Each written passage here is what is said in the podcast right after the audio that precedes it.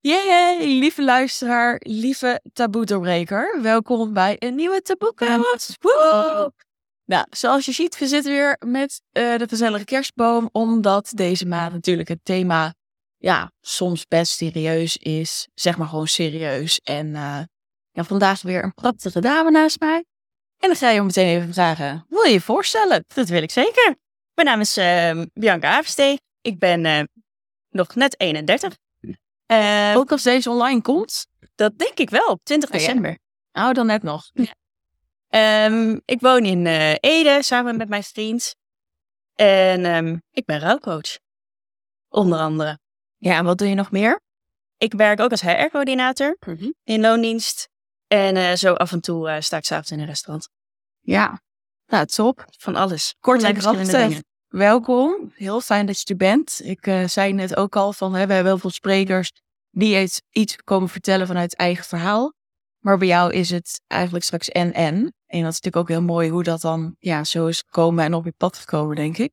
Dus uh, ik ga hem even inzetten en dan gaan we beginnen.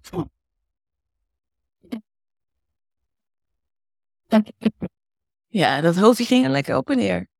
Lekker deze. Ja, we gaan het vandaag hebben over uh, rouw. Hè? Daarom heb ik je uitgenodigd. Ik kwam jou... Ik denk dat ik jou het eerst kwam. Ik weet niet of... Had jij... Uh... Ik heb er gisteren over nagedacht. Ik weet het ook niet meer. Nee, je weet het ook niet meer. Ik heb wel een formuliertje door. Oh ja, precies. Nou, maar goed, het was meant to be. Uh, we gaan het hebben over rouw. En ik zei het al, de eerste vraag vind ik altijd een beetje zo de moeilijkste. Want dan gaan we er zo hoppakee chak in. Ik ben heel erg benieuwd um, hoe jij ja, hoe jouw band was vroeger met jouw papa. Want je gaat natuurlijk uiteindelijk iets vertellen over je papa. Mm -hmm. Ja. Ja, heel goed. We hebben, ik, uh, misschien wel fijn om te vertellen hoe ik ben opgegroeid. Ik heb een jonger zusje, maar wij schelen maar 50 weken. Dus dat is uh, ongeveer niks. dus um, wij hadden gewoon een heel fijn, warm gezin. En um, met mijn vader was altijd, ja, ik weet niet, ik vond altijd dat wij best wel veel op elkaar lijken. En um, ik zeg ook altijd dat hij een van de echt heel weinig mensen is op deze wereld waar ik compleet mezelf bij kon zijn. Gewoon nul oordeel, niks. En uh, dat is altijd heel fijn. En we gingen, uh, toen ik nog thuis woonde, en ook daarna trouwens, want ik kwam eigenlijk nog wekelijks, soms twee keer in de week wel uh, bij mijn ouders eten. En dan keken we in het weekend altijd samen naar voetbal of naar de Formule 1. En als mijn moeder dan avonddienst had, als ik door de week kwam, dan keken we altijd van die ontzettende stomme spelshows. Van 1 tegen 100 of ik veel 100 Got Talent of zo. Nou, leuk zelf. Ja, het zou wel weer nooit, maar dat vonden we dan gewoon lekker om zo s'avonds te kijken. En als mijn moeder dan zei, zo zei ze, zijn jullie nog wel aan kijken? ja, dat was altijd wel heel leuk. En uh, kijk, ik weet niet, we snapten elkaar altijd gewoon. Soms, ik weet ook nog, dat is misschien wel grappig. Ik weet nog wel dat we een keer hadden we het ergens over. Ik weet niet meer precies wat. Iets met de koelkast. Geloof je? Ja, die koelkast die hier net niet aan stond. Ja, precies. Zoiets. en um, nou, daar hadden we het over gehad. Ik weet niet wat er was. En toen, ik denk echt misschien wel twee uur later, toen gingen die daar gewoon ineens weer over door. En ik ging ook gewoon ineens weer met hem verder praten. En mijn moeder en mijn zusje hadden echt...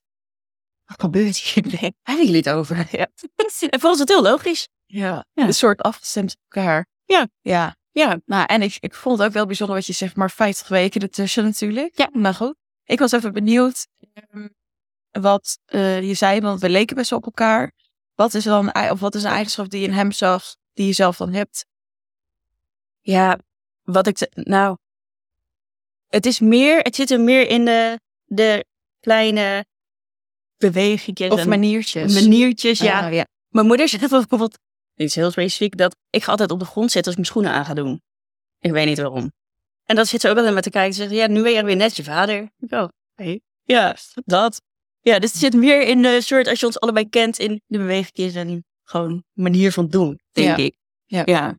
Want hij was bijvoorbeeld ook echt heel kalm en ik kende ongeveer geen stress. Nou, dat lijkt me heerlijk. Dat heb ik niet per se. Ja. Ik was een stresskip, helpt. Ja. Soms wel, ja. Ja, nee, dat ik altijd wel echt heel lekker. Dat, dat, misschien is dat juist ook wel heel, dat maakt het ook wel fijn om uh, samen te zijn. Ja. En je zei uh, ook van, hey, ik kon echt helemaal mezelf zijn.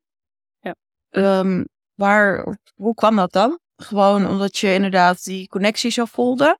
Ja, dat denk ik. Dat sowieso. En ook omdat je.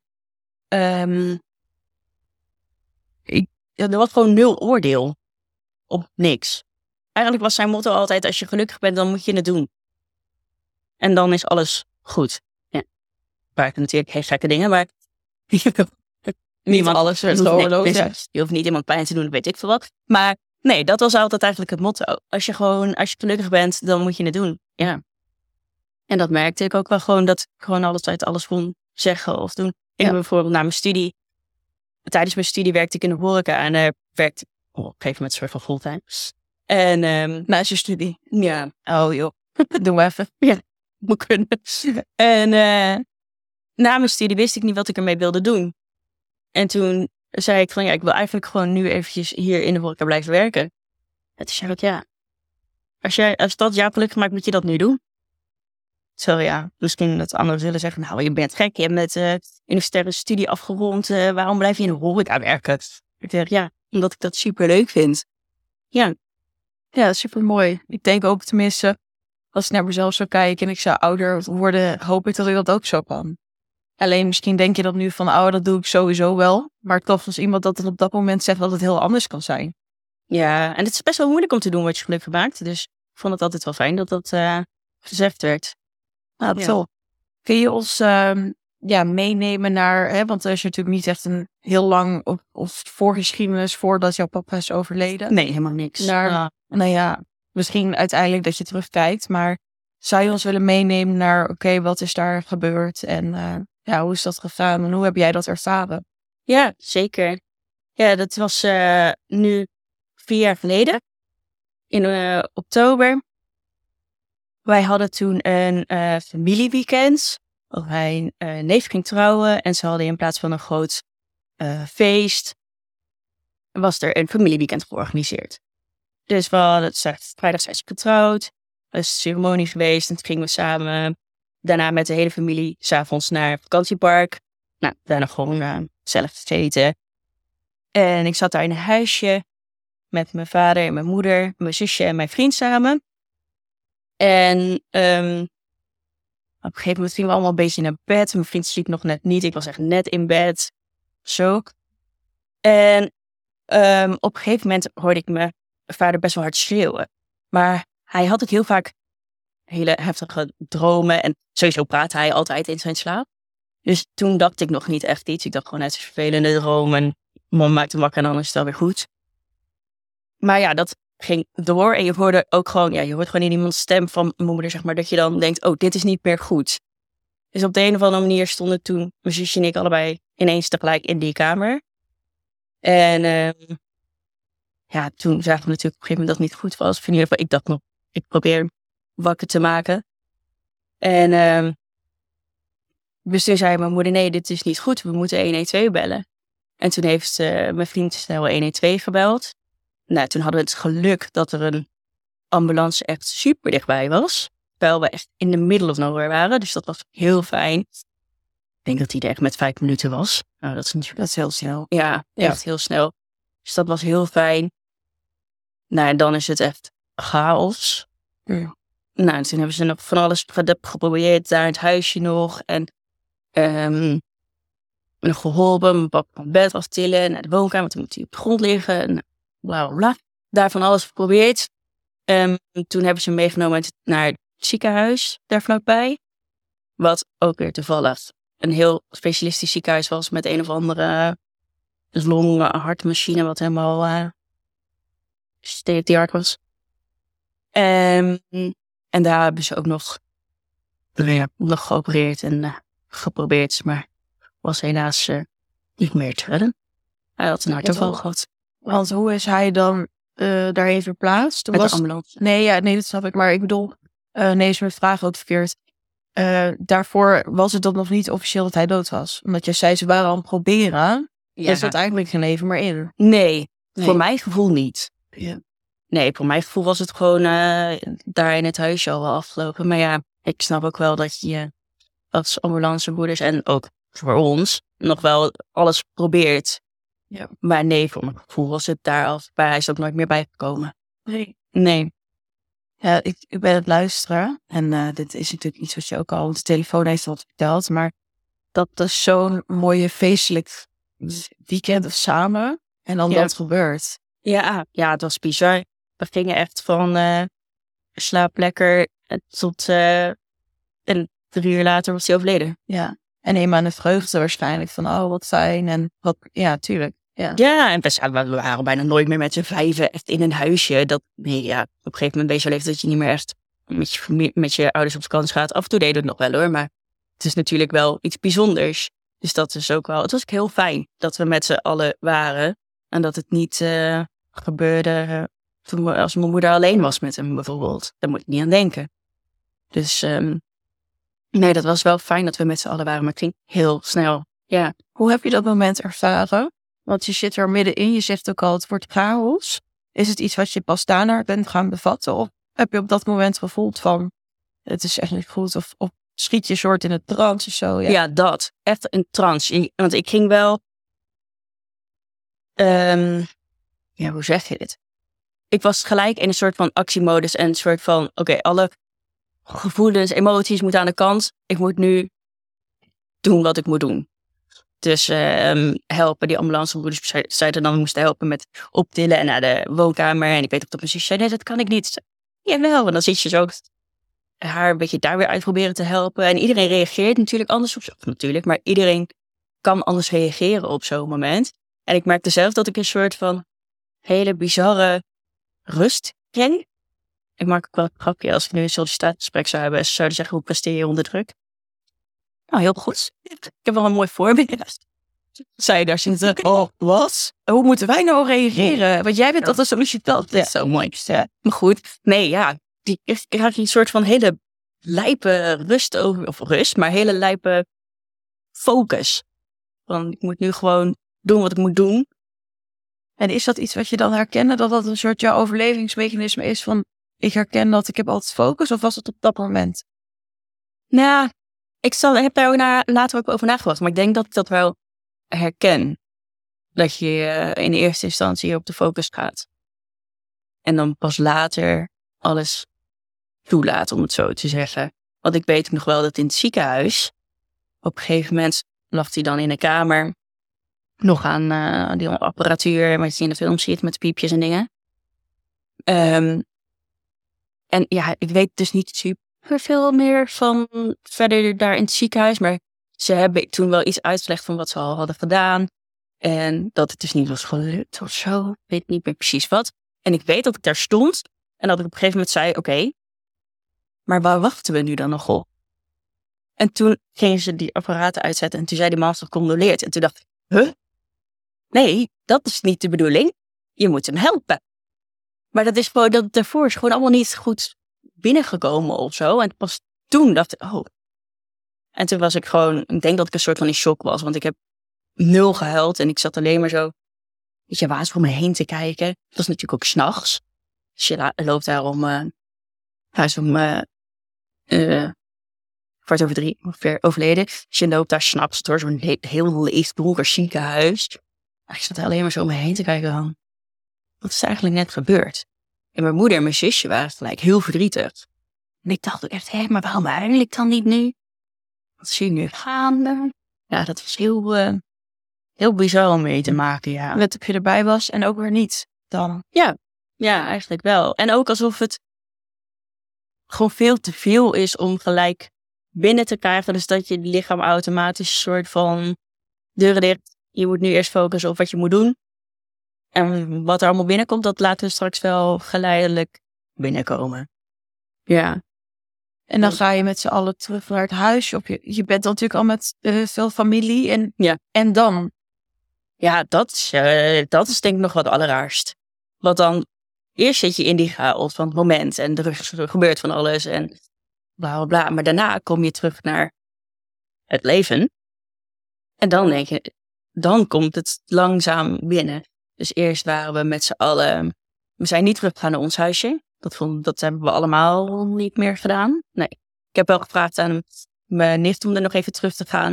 Ik weet niet, vond ik een fijn idee dat ben verder niet per se heel gelovig of zo, maar ik vind het dan toch een fijn idee dat iemand daar nog eens even is geweest om te kijken het allemaal goed is. Dus we zijn naar een ander huis van, van, eh, van familielid gegaan, hebben daar nog gezeten.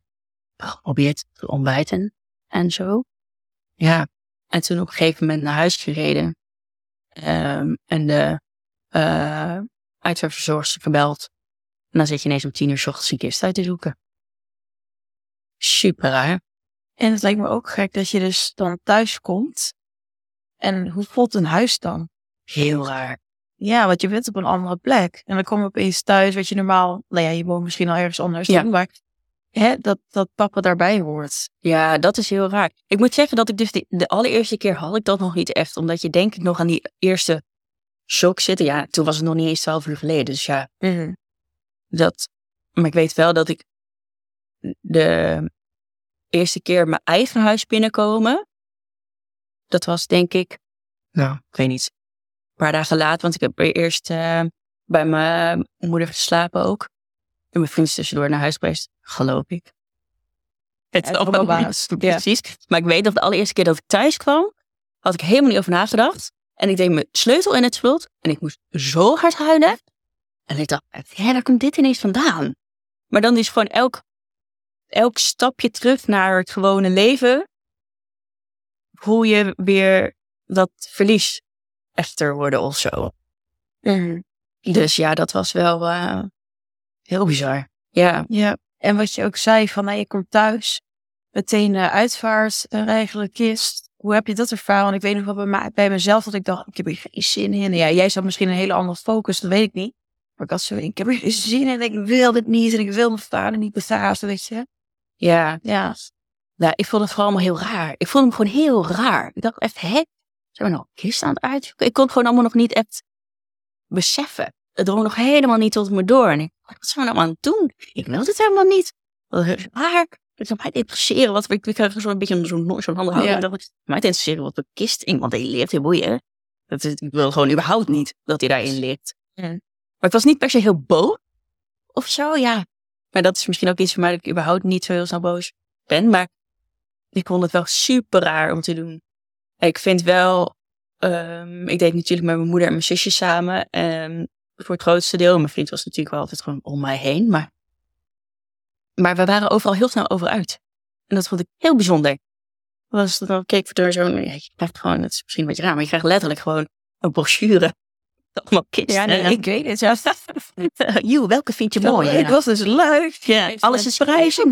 Ja, zo. Nou, doe maar niet goedkoop. Ja, hey, thanks pap. Ik Ja. ja. schulden door jou. Nee, Zo, ja, maar dat is echt niet nou goed. Ja. Is eh, bizar. Maar ja, je hebt gewoon letterlijk zo'n brochure. En dan is het, ja, welke vind je mooi? Dan denk Ja, dan moet je het maar allemaal niet mooi vinden. Maar dan hadden we toevallig elke keer wel hetzelfde die we mooi vonden. Dezelfde bloemen ook wel. En dat ging allemaal gelukkig heel fijn. Ik denk ook dat dat een beetje voelt van, ja, zouden we hier nou echt zo zitten kloten met elkaar? Weet je, er, er is iets. Opeens zijn, tenminste dat heb ik ervaren, naar rouw van er zijn zoveel dingen. Als je daar echt net in zit, dan denk je, ja, wil ik hier nou wat doen? Was ik daar nou moeilijk om het doen? Ja, ja, ja. Het ja. relativeert heel erg van, oké, maar wat is nu echt belangrijk? Nou, hè, leven, samen, familie, vrienden, ja. Ja, heel erg. Dat heb ik daarna ook heel erg gemerkt. Als iemand dan eh, zeurde over, eh, weet ik veel, iets kleins, dat hij eh, zijn haar niet goed had of zo. Dacht ik ja, boeien hè? Ja, ja. En op een gegeven moment dacht ik ook echt, als ik iemand over zoiets kleins hoorde, dan was ik ook gewoon van binnen een soort van boos en wilde ik eigenlijk gewoon keihard schreeuwen. Mijn vader is dood. Maakt het mij uit dat, nou, noem een kleinigheidje. Dacht echt, waar hebben jullie het over? ja, ik moet lachen, want ik herken het, want ik zat in de brugklas. Oh, En dan hadden we wel eens dat we naar school moesten fietsen en het regende. En dan zei ze, ik ben nat. Ja, logisch, het is zo kut. Maar, en ik zat, ik zat echt in mijn ja, pek, jongen, ik ben mijn vader kwijt. Ik kom in de regen boeien, weet je wel. ja, Zo ja. echt, echt heel erg in de weerstand met, ja. doe eens normaal, zie je niet hoe erg mijn ellende is of zoiets. Ja, ja, ja. Ja, en ik moet zeggen, dat komt wel weer terug. Ja. Ja. Gelukkig, wij lagen ook weer om de regen. Hè? Ja, En in de file staan. En, eh, Ja, ja, dan moet ik nu dus soms nog wel eens aan denken. Als ik dat dan weer doe, dan denk ik, oh ja, het, het is ook niet, het is menselijk. Maar ik merk wel bij mezelf dat ik mezelf ook gewoon makkelijk weer ervan af kan halen. Dat ik denk, waar zit je nou eigenlijk om te zeuren? Het is gewoon, kijk even naar het grotere plaatje. Wat maakt het nou uit? Dus, maar ja, dat is wel heel herkenbaar, ja. En dan, eh je hebt alles geregeld, uitvaart is daar. Heb je Ja. iets, ge- heb je gesproken? Omdat je, je hebt de oudere leeftijd. Ik had het niet gedaan. Ik was denk ik gewoon te jong. Maar ik kan me voorstellen dat je dat dan wel doet als dochter. Ja, zeker. Ja, en sowieso is schrijven een soort van mijn uitlaatklep. Ja, tuurlijk. Ja, je Dus, maakt eh, ook gedichten. Ja. Was je het vergeten te zeggen, maar ja. Ja, ja nee, maar ik schrijf eh, zelf ook gedichten inderdaad. En dat vind ik heel fijn om te doen. Sowieso in zo'n periode al helemaal. Ehm, dus ik heb in die week heel veel geschreven. En ik heb ehm, twee gedichten voorgedragen. Eén hele korte als een soort opening.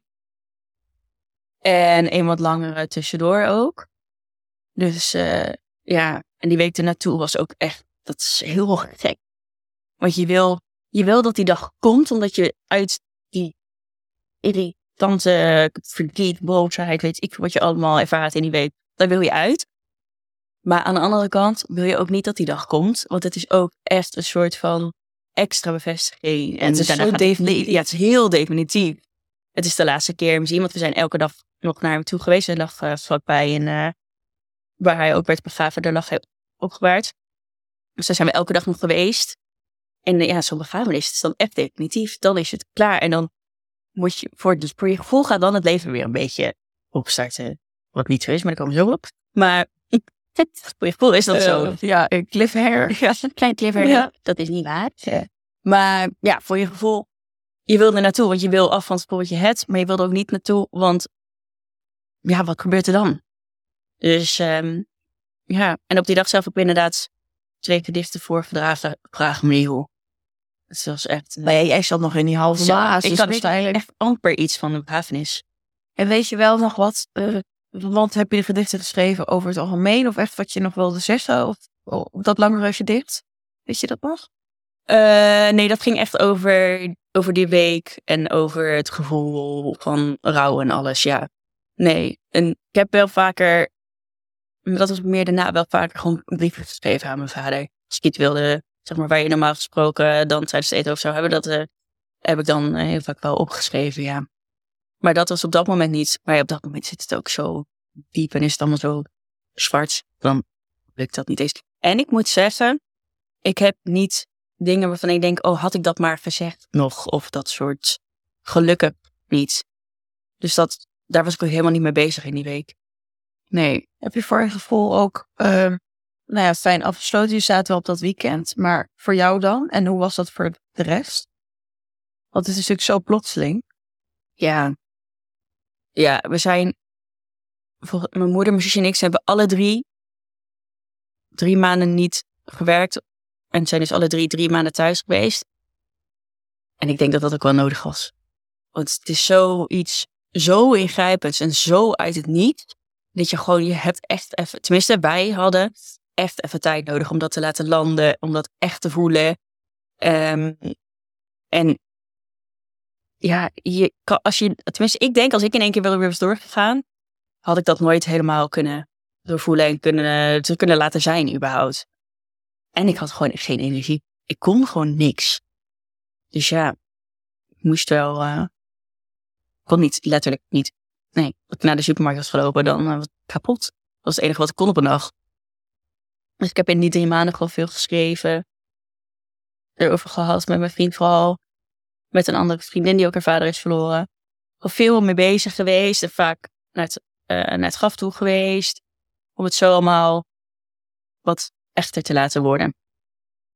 En ja, je zegt natuurlijk al, maar hoe heb je die drie maanden dan ervaren? Een beetje futloos dan of energieloos? Ja, die, die drie maanden zijn wel echt, echt zwart. Echt gewoon hele donkere gedachten en elke, soms gewoon wakker worden met dat je aan het huilen bent. Dat is een bizarre ervaring. Ja, heel, heel zwaar en donker en energieloos en echt een beetje een baas. Want ik denk drie maanden is best wel lang. Ja, dat is een kwart van een jaar. Maar voor mijn gevoel duurde het helemaal niet zo lang. Maar het is zo, zo'n waas en alles staat gewoon even stil. Dus ja, ik heb ook geen idee wat ik in die, in die drie maanden heb gedaan, maar niet zo heel veel. Ja, gerouwd dus. Ja. Ik ben een soort rouwgod, noem ik het. Ramen, hoe heet het, gordijnen dicht. En je noemde net je vriend en eh vriendin die het zelf heeft meegemaakt. Ik snap dat heel goed, want mensen kunnen wel zeggen, oh, hè, maar als je het zelf niet hebt ervaren, ik denk dat het heel fijn is. Ja. Hoe heb je de steun ervaren? Vond je het makkelijk ook om iets te delen? Of hoe, hoe heb je dat er ervaren? Ja, met die vriendin was dat wel fijn. Want zij had, ehm, nou, het was een jaar daarvoor, dus wel, ze liep zeg maar een soort van een jaar voor, op mij. Oh, wow. yes, nou, je kunt het niet wel vaak. Zeker Ja. niet. Maar daardoor werd- was dat was wel heel makkelijk praten. Want ze, had, ze wist gewoon wat ik voelde. We werkten samen, dus na die drie maanden had ik haar ook altijd nog op mijn werkplek. Dat was heel fijn. En je hebt gewoon aan een half woord genoeg. Of nou ja, soms niet eens aan woorden. Soms kwam binnen en dan wist zij dat, weet ik of er een of andere speciale dag was geweest. Of weet ik veel wat. En dan, dacht, dan wist je gewoon wat er was. Of als er gesprek was op werk. Want ik werkte toen nog bij een uitzendbureau. Dus het waren heel vaak uitzendkrachten die eh, op gesprek kwamen en zo. En dan hoorde ik soms iets in dat gesprek wat me raakte. Wat dan iemand anders heus niet door had. Maar zij snapte dat dan. Dus dan kon ze eventjes met een blik zo van... Oh, ik snap waar je doorheen gaat. Dus het is heel fijn om iemand bij te hebben die weet wat, wat het is. En ook ehm, kan bevestigen dat het niet raar is wat je voelt en wat je denkt. En dat je inderdaad niet, eh dus ja, dan wel half woord genoeg hebt, dat je gewoon, eh, Heb je dat wel eens gevoeld? Want je had een vriendin, maar heb je wel eens gevoeld dat je dacht, hm, doe ik het nou verkeerd, doe ik het anders, ik, ben ik raar? ja, ik heb, nou ja, ik heb vooral op het begin dacht ik echt, hoe moet dit? En ik dacht echt, ik weet gewoon niet, ik weet niet hoe dit, hoe dit werkt. En inderdaad, met die drie maanden thuis dacht ik wel van, ja, is dit normaal? Kan ik zo lang hier gewoon eh, zitten? Is dat, is dat niet raar? Moet ik niet weer dingen gaan doen? En dus ik weet wel dat net na het overlijden ik gewoon letterlijk gegoogeld. Hoe moet ik rouwen? Nou, kan je vertellen waar je niet heel bewijzen van. Nee, ja, dan kom je die leuke theorieën tegen. Wat echt wel fijne houvast is op een gegeven moment. Maar in het begin, ja, denk je, oh, moet ik dan nu boos zijn? Bijvoorbeeld, dat vond ik was wel een ding. Dat ik dacht, ja, heel veel mensen zijn blijkbaar boos. Had ik per se boos? Ja, wel, ja, nee. Dus dat, dat, was wel dat ik dacht, ja, hoort dit dan? Is het dan raar dat ik dat dan niet heb? Ik was vooral gewoon eigenlijk, vooral heel verdrietig. Maar de boosheid kwam niet echt. En dan ik, ja, is dat dan bijvoorbeeld iets wat moet? Geen idee. En naast de boosheid overal, dat je wel voelde van oké, en dan drie maanden thuis van, het hoort erbij, het is mijn proces. Ja, ik kwam wel eh, toen steeds meer tot het inzicht van, oké, nee, iedereen doet het anders. Iedereen rouwt anders. Iedereen voelt andere dingen, denkt andere dingen. Iedereen gaat er anders mee om. Dus toen kon ik wel steeds meer accepteren van, oh nee, dit moet ik gewoon op mijn manier doen. En ehm, zolang ik, zolang er maar een soort van stijgende lijn in zit van mijn energie en van dat ik weer iets meer kan genieten, steeds meer van dingen. Ehm, en dat ik eraan terug kan denken zonder dat ik gelijk een soort paniekaanval eh krijg, dan is het oké. En dan mag het er gewoon allemaal zijn. En dan moet ik mezelf nog steeds wel eens aan herinneren hoor. Dat ik dan, eh, ik kreeg bijvoorbeeld een tijdje terug is mijn oma overleden, toen kreeg ik de rouwkaart en dan staat er achter papa een kruisje. En ik ging zo hard huilen.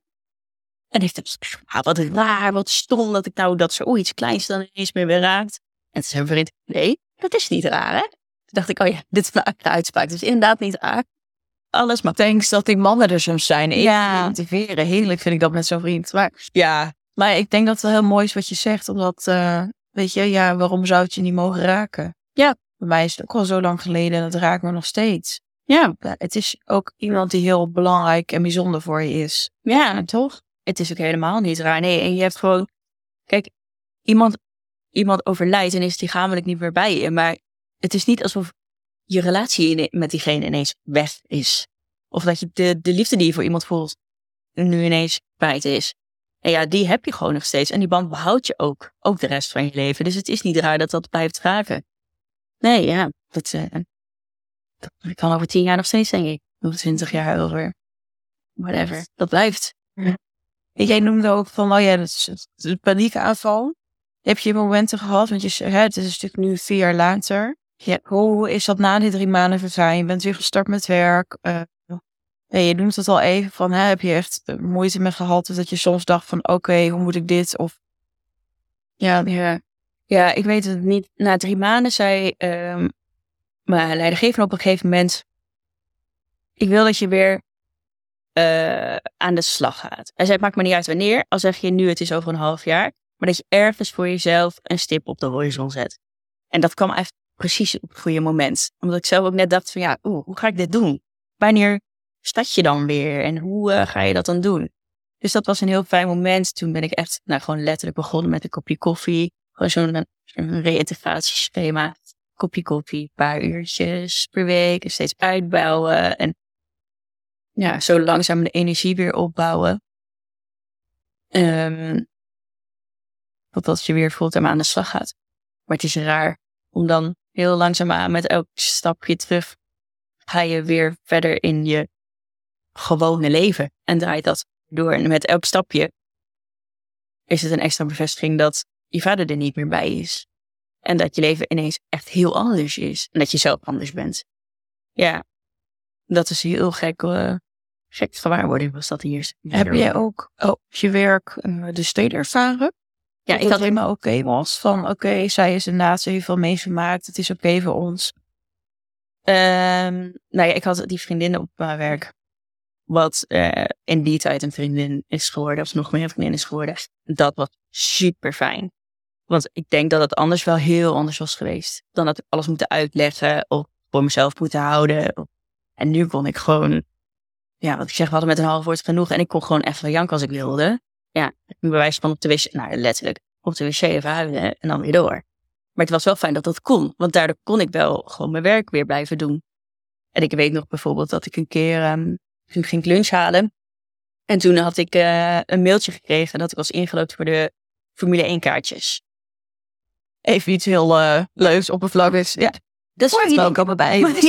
Maar, voor mij was dat dus echt, echt een ding. En ik had het eventjes niet zien aankomen. Maar ik zou daar anders nou ja, dat vraag me af. Maar ik denk dat ik altijd mijn vader heen was geweest. Mijn vader was altijd van, je ziet op tv toch veel beter. Waar zou je heen? Ja, dat is ik denk dat hij wel mee was. Dus, ja. Um, uh, dus dat raakte me ineens heel erg. Dat ik dacht, oh mijn god, ik ga daarheen. Vet excited. En toen, oh mijn god, maar hij gaat niet mee. En toen kwam ik uh, terug op werk. En toen zei ik, ik ben ingeloten. Toen moest ik eigenlijk gelijk huilen. En je zag aan haar dat zij gewoon gelijk wist waarom en wat het was. En die andere zag je eens kijken van, hè? Ik snap hem even niet. Is ze nou zo blij dat ze jou denkt dat je... Ja, als het heel is. Ja. Gewoon dan nou ja, nee. Dus nee, ja, dat is wel heel fijn. Dat je dan iemand daar hebt die je daar inderdaad gewoon alles, gewoon alles snapt. En dat ik de ruimte heb gekregen om die drie maanden thuis te kunnen zijn. Dat was heel fijn. Want ja. dat is niet best geregeld in Nederland. Nee, dat denk ik ook. En, uh, maar ook wat je zegt, want als je die collega dus niet had gehad, en ik denk dat heel veel mensen hierin zitten, wie begrijp je dan? En dan, wordt, dan is werk opeens wel heel lastig.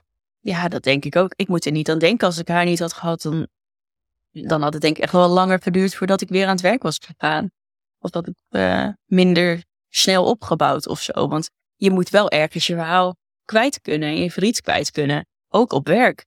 Ja, dus hè, mensen die uh, in het werk zitten of, of management, denk hier aan alsjeblieft. Ja, ja, ja, zeker. Ook na een jaar nog, alsjeblieft. Niet alleen de eerste maand. Ja, ja, zeker. Ja, zorg dat iemand ruimte krijgt om alles te voelen. En dat het gewoon een veilige omgeving is. Ik denk dat dat het, dat, dat het wel het samenvat. Dat het een veilige omgeving is voor iemand alles durft te laten zien en durft uit te spreken. En ook de ruimte om als er een keer, als het een dag niet gaat, dat iemand gewoon eventjes wat eerder weggaat of even pauze neemt wat langer. Ja, of gewoon naar huis mag. Ja, precies geef iemand gewoon even, even de ruimte om deze lijpe gebeurtenissen te integreren, ja. En dat was dan op het werk. Wanneer heb jij je gevoel gekregen van oké, ik wil hier meer mee doen? Wat is jouw waarom, waarom je nu doet wat je doet? Ja, nou dat begon eigenlijk al best wel um, vroeg, denk ik nu er aan op terugkijk. Ik uh, had uh, met die vriendin hebben we het er gewoon heel veel over gehad natuurlijk. Met andere mensen ook, maar zij begreep me natuurlijk heel goed. En nou, we kwamen heel vaak tot de conclusie van ja, waarom kunnen we al deze antwoorden uh, op herkenning, wat we zoeken, nergens vinden? Want ik heb inderdaad wel gegoogeld van ja, hoe moet ik rouwen, hoe werkt dit, uh, tips, uh, dat soort dingen. Nou, dan kom je op de meest stoppige websites ooit. Dat je denkt, ja, hier heb ik echt he- helemaal niks aan. Ja, dat is zo waar.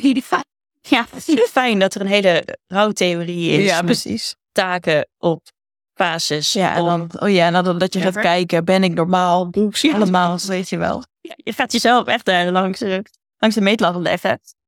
Eh, en we dachten, ja, dit bestaat eigenlijk helemaal niet. En toen hebben we zelf nagedacht van, ja, maar wat zou je dan zoeken? Wat zou je dan willen dat er bestaat? En wat moet er dan samenkomen om zo'n platform voor jou fijn te maken? Nou, daar hebben we gewoon heel vaak over gehad. En ik denk misschien wel een jaar lang hebben we het daar gewoon vaak over gehad. Maar ik moest natuurlijk ook eerst zelf rouwen dacht, ja, ik kan dit niet, ik kan dit niet nu. Ik kan amper mijn eigen verhaal vertellen zonder te janken. Wat normaal is, maar dat is schrikkelijk onhandig als je er zelf iets mee wilt doen. Als iemand zijn of haar verhaal gaat vertellen en je zit daar en je moet zelf eigenlijk huilen. Ja, dat is erg, maar het is fijn als je je concentratie bij kan houden. Dus we hebben het daar gewoon heel veel over gehad de eerste jaar, twee jaar.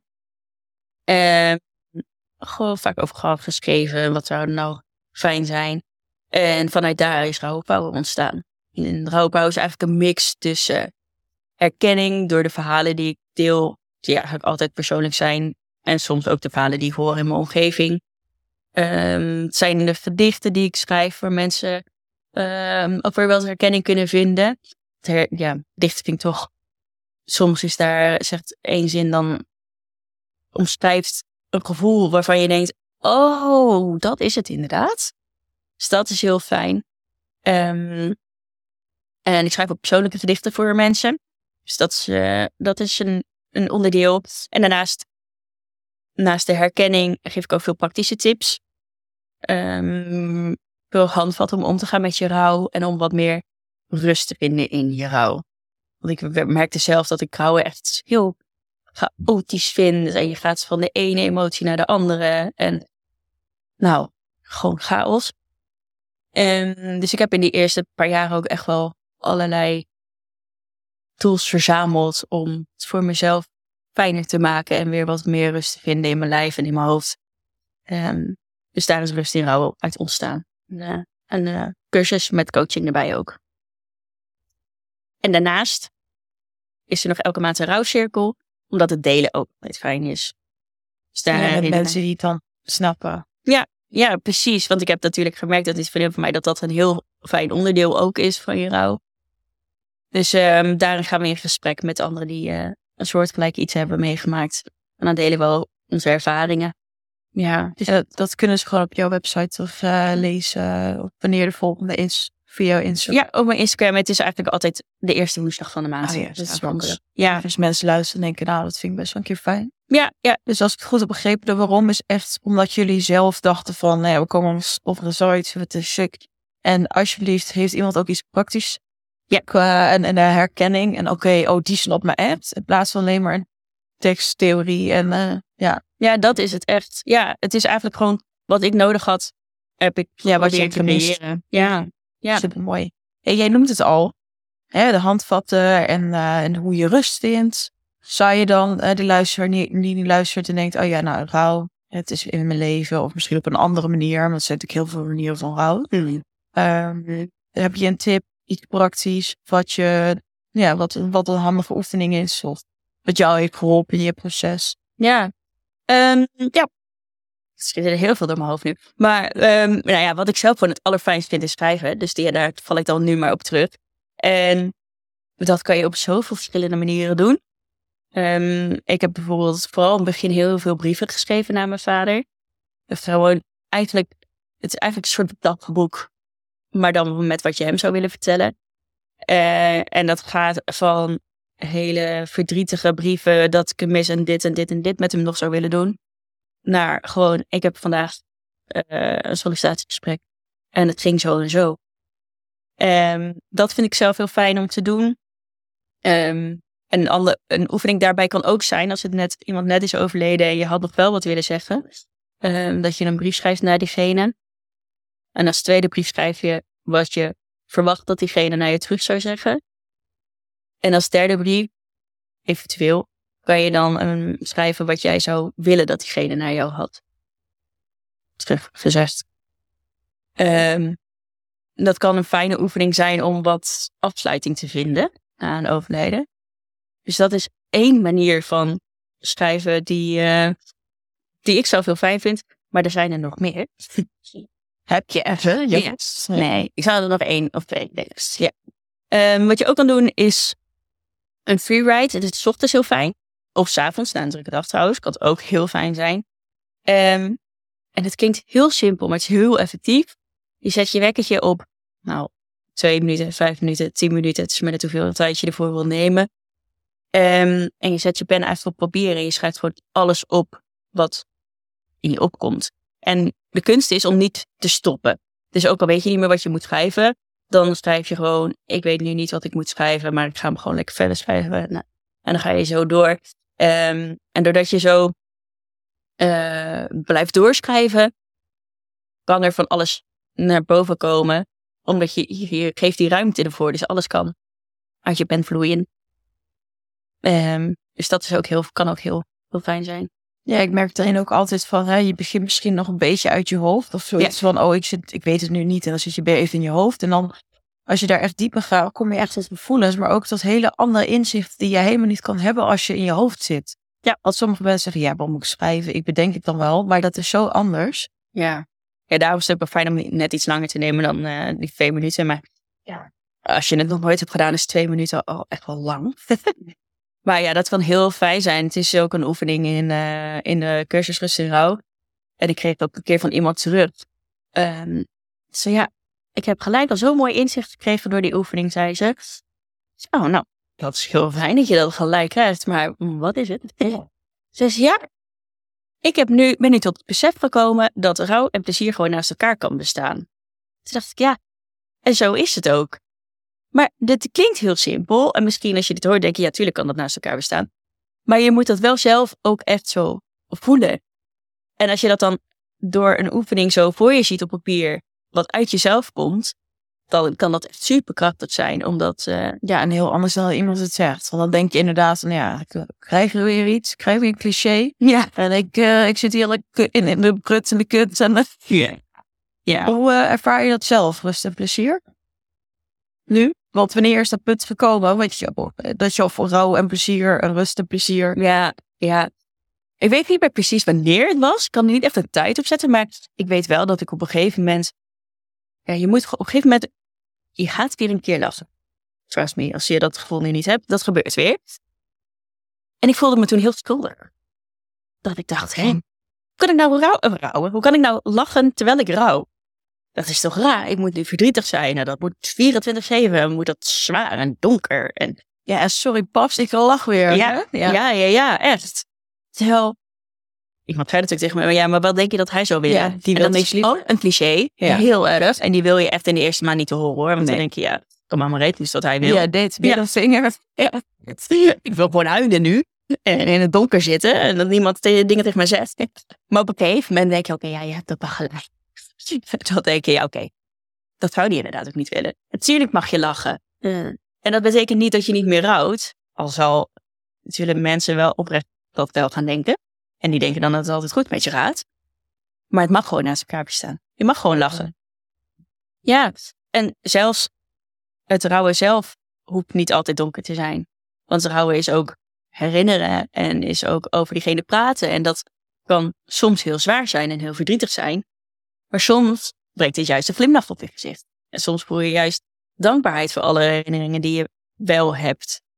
Dus ja. Ja, dat je soms denkt, oh mijn god, paps, hoe was je eigenlijk? En dat het soms ook heel grappig is van, oh ja, dit was zo'n trekje van je denkt, huh? weet je wel. Ja, ja, ja, ja. Dat iemand iets aan het vertellen is. En dat, dat merk ik trouwens wel, dat is wel grappig. Dat vertelt iemand iets en dan denk ik, oh ja, dat deed mijn vader ook altijd. Dan zie je die ogen en denk ze,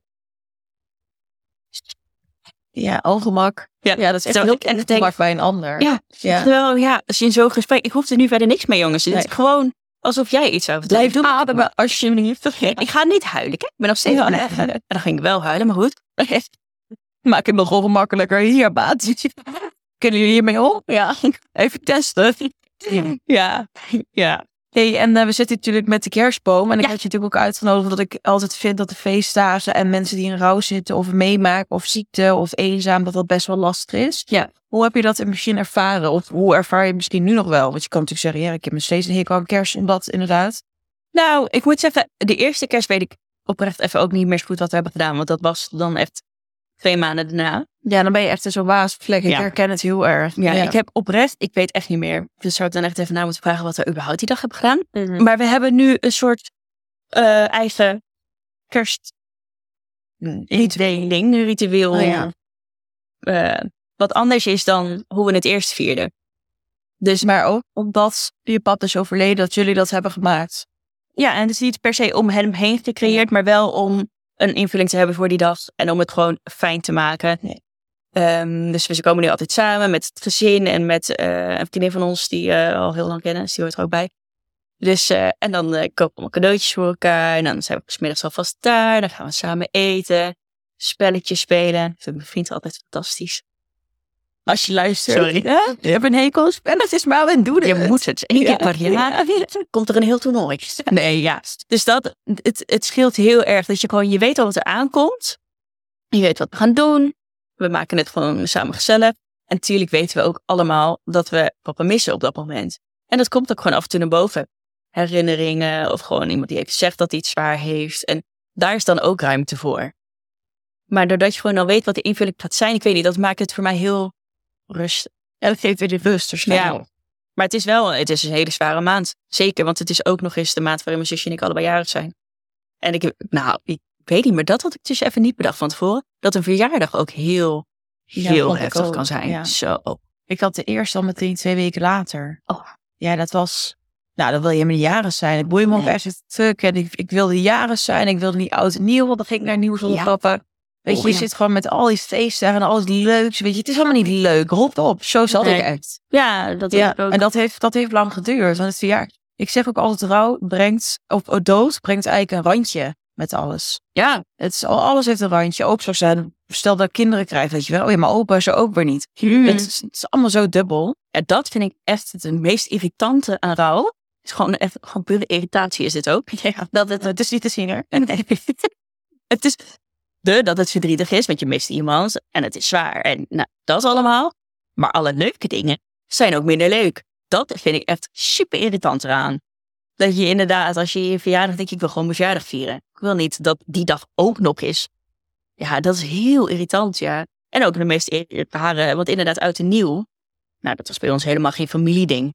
Dus ik had helemaal niet bedacht dat dat dan per se een, een speciale dag zou zijn of zo. Maar toen het die dag was, was het ineens het besef van, oh mijn god, dit wordt een heel jaar waarin hij er niet is. Het eerste volle jaar. En het voelde ineens zo leeg. Ja, ik voel het ook. Hem zo'n koude rilling krijgen. Zo Ja. van, eh, ja. Ja, ja, ja, leeg is denk ik echt gewoon het goede woord. Het voelde zo leeg. Ik had het helemaal niet bedacht van tevoren. Dat zoiets, wat eigenlijk helemaal niet gerelateerd is aan papa of familie, er ook zo'n rand kan hebben. Ja, heel irritant. En je zegt van, hè, wat je zei begin van het gesprek, het is nu al vier jaar later. Ja. Eh, ik denk ook heel erg belangrijk, vind ik zelf altijd, van nou, rouw, ja, misschien is dat wel ergens een acceptatie, maar je zult misschien nog verdrietig zijn. Kun je zeggen hoe je de rouw nu ervaart? Ja. Nou, ik merk ehm, dat het stabieler is, is denk ik het goede woord. Ik voel mezelf ook stabieler. Ehm, het is waar het in het begin vaker naar boven kwam en heel vaak eh, onaangekondigd, merk ik nu dat het op, laten we het zeggen, meer logische momenten voel ik het wel opkomen. Ik voel het sowieso wat beter aan ook, als er iets zit. En het is wat minder vaak. Ik kan nu ook, nou, makkelijker wil ik het niet noemen, maar ik kan er nu wat beter over hebben. Zonder dat ik er gelijk van in de stress schiet. Maar ik merk wel, zoals bij dit nu, dat ik weet dat december eraan komt, zit het eigenlijk heel hoog. Dus en dat voel ik wel nu aan mijn lijf en aan vooral mijn emoties. Mhm. Sorry, vriend. dat het gewoon zei, hij komt je sowieso balen en wrak. Ja. ja, dat ook. Ja. Nou ja, ik merk wel dat ik gewoon, ik ben wat veel vermoeider nu na aanloop daar naartoe. En ik merk dat ik verdrietiger, dat het eh, de verdriet weer hoger zit. Eh, dat ik wat sneller geïrriteerd raak. En gewoon dat mijn hele lijf wat, wat vast zit en zo. Dus ik merk wel dat het er nog steeds is. Maar ik kan het nu ook gewoon, ja, het klinkt heel zweverig, maar liefdevoller aankijken. Dat ik denk, oh ja, dit is er, dit mag er zijn en dan moet ik even zelf ook ruimte voor maken. Maar het is, ja, het is wat stabieler. En hoe het eerst maar zo'n soort eh, zware storm op zee was, is het nu eh, wat rustiger water. Nee, want ik zit er te denken. En toen dacht ik, oh ja, vier jaar. Ik vind het eigenlijk ook nog zo kort. Ik Is vind het het ook heel logisch. Ja. Weet je, als ik het dan na 16 jaar heb, dan eh dat vind ik zo lang. Hmm. Dan snap ik het helemaal. Ja. Ja. ik vind vier ook. Het is een heel raar tijdsbesef. Het is heel lang voor mijn gevoel, maar ook heel kort. Ja, dat. Ja, ik kan het ook niet zo goed uitleggen, maar Nee. ja, de ene moment eh, voelt het heel lang geleden en de andere moment denk ik, ja, het, is ook het voelt ook nog heel vers. Verdriet en alles, ja. En dat is ook weer zo. Het zei eh mijn fysio volgens mij op een gegeven moment tegen mij. Ja. Ja, over random mensen gesproken. Eh, je mist iemand langer. Dus logisch dat het eerst ook even heftiger wordt. En dat het niet vanaf het begin af aan alleen maar minder wordt, want diegene is gewoon langer bij je weg. Dus het is logisch dat je eerst iemand steeds meer mist. Ja. Ik, oh wow, dit is echt een fijn inzicht. Ja, inderdaad. Dankjewel voor het delen. Ja. Ik denk ook heel fijn voor mensen die luisteren. Ik had het ook nog nooit zo gekeken. Lekker, eh lekker heb jij. Ja. Zeker. Ja. Ja. Nee, dat was Het is toch wel fijn. als iemand dat zo goed aanvoelt en eh, er ook iets moois over kan zeggen. Ja. hey, we zijn eh, straks bijna een uur bezig. Ja. Ik was heel erg benieuwd. Want we hebben het over rouw, je proces. En nou ja, ik zie ook wel inderdaad, denk ik, dat je het nog steeds soms kan wel raken. Maar ook hoe je er nu in staat en dat het vast anders is. Ja, dat weet ik natuurlijk niet precies. Maar wel is er iets wat je, wel, dat vinden mensen altijd heel gek. Of kunnen ze gek vinden. Dat je er als positief ziet aan de dood van je papa. Ja. Ja, ik vind dat, heel veel mensen vinden dat raar inderdaad als je dat zegt. Maar eh, nou, sowieso alleen al het starten van rouwopbouwen is voor mij iets heel positiefs geweest. Ehm, het zet een soort van je persoonlijke ontwikkeling, tenminste bij mij, in, eh, zo, kom voort. Gaat heel snel ineens. In stroomversnelling, zo, dat wilde ik zeggen. Nou, letterlijk heel Ja. Ik was even kwijt. Stroomverstelling. Ja, precies. Ja, nee, dat, dat komt gewoon in stroomverstelling. Omdat je, je wordt zo tot je kern geraakt, dat je daarna jezelf weer een soort van moet opbouwen of zo. En dan denk je, oké, wie ben ik eigenlijk? Wat voel ik eigenlijk? En oh, hoe moet ik hier eigenlijk mee omgaan? Eh, en daarna het starten van rouwbouwer, zelf ondernemen, dat is, komt natuurlijk ook. Nou, daar kom je zelf ook honderden manieren tegen. Dus voor mij is dat het positieve kant, dat ik mezelf weer eh, anders heb leren kennen. En eh, ja, Ja, want je zegt in je kern gedaan, maar daardoor ook dat je kern moet gaan. Of dat de maskers een beetje afvallen dan? Of dat je jezelf, wat je ze noemt, het opbouwen? Hoe bedoel je dat precies?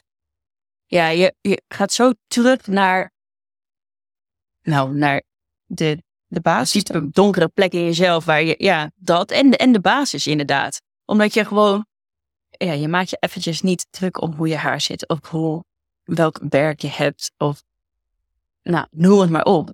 Dat je daarna denkt, oké, maar wat eh, vind ik dan wel belangrijk? En wie ben ik dan eigenlijk daar in dat verhaal? Wat vind ik belangrijk? Wie vind ik belangrijk? Hoe wil ik mijn leven eigenlijk inrichten? Dat is ook veel cliché, maar wel echt waar. Dat je daarna denkt, oh ja, het leven kan zo voorbij zijn, maar hoe wil ik dan dat mijn leven eruit ziet? En dat bouw je zo dan langzaam weer op. Jezelf, ja, eigenlijk, tenminste, dat vond ik. Ik heb echt mezelf weer opnieuw leren kennen, moeten ontdekken eigenlijk zelf wel. Mooi. Is eh, jouw papa nog wel aanwezig? Geloof je daarin? Hoor je dat wel eens? zo moeilijk. Oh ja. Ja, vind ik heel lastig. Maar ehm, ik, weet, ik weet niet wat ik geloof. En ik heb me daar ook gewoon bij neergelegd. Ik denk, soms praat ik gewoon tegen je in mijn hoofd. Weet Ja. ik veel of jij het hoort. Het is chip ook niet, het helpt me. Maar dat heb ik met heel veel dingen nu hoor. Dat ik denk, ja, je kan eh, leven bij de maan, bijvoorbeeld. Maar niet per se daarin geloven, maar het gewoon een chille manier vinden om elke twee weken iets te doen. Ja, ik heb geen idee of die man er nog is. Het lijkt me een heel fijn idee dat het wel zo is. En eh, er zijn natuurlijk zoveel dingen waar je dan in kan geloven. Met ik soms deel ik bang was ook niet meer, maar ik weet niet. Misschien is er helemaal niks. Misschien wel, maar ik vind het een fijne, fijne gedachte dat ik nog wel eh, om hulp kan vragen of dingen kan vertellen. Ja, al is het in je hoofd dus. Ja, ja. Hoe heb jij dat? Ben ik wel benieuwd naar. Ik heb dat zeker, ja. Ja. Ik voel dat wel, maar ik geloof ook in spiritualiteit. En dan, ook dat bedoel, is eigenlijk vooral leven vanuit je eigen kern. Wat je Mhm. net ook heel mooi noemt. Eh, maar ik geloof ook wel dat zielen er, ja, er kunnen zijn. En dat we ja, zoveel meer levens hebben. En ja, Ja, ik wil het dus heel graag geloven, maar het is nog niet helemaal. ja, dat heeft bij mij ook wel even geduurd. Ook omdat ik er heel erg weerstand op had. Want ja, dan ben je zweverig. Weet je wel? Nou ja, dan ben je zweverig. Maar ook omdat ik, mij is een keer een boek zo geraakt dat ik denk, huh, hoe kan dit, wat ik nou helemaal voel, hoe kan dat er precies staan? Dat, is, de, dat was denk ik astrologie. En toen ben ik daar helemaal ingerold. Toen dacht ik, oké, ja, ik kan dit niet meer ontkennen. Maar Ja. ik snap wat je zegt.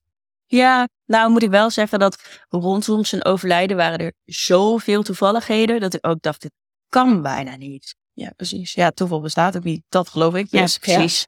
Maar ja, ik- dat vind ik wel moeilijk, want dan denk ik, ja, maar dat, dan is hij ook niet bij toeval gestorven en is dat ook met een reden. En dan denk ik, ja, dat vind ik dan ook wel weer een lastige iets om te bedenken. Mhm. Maar ja.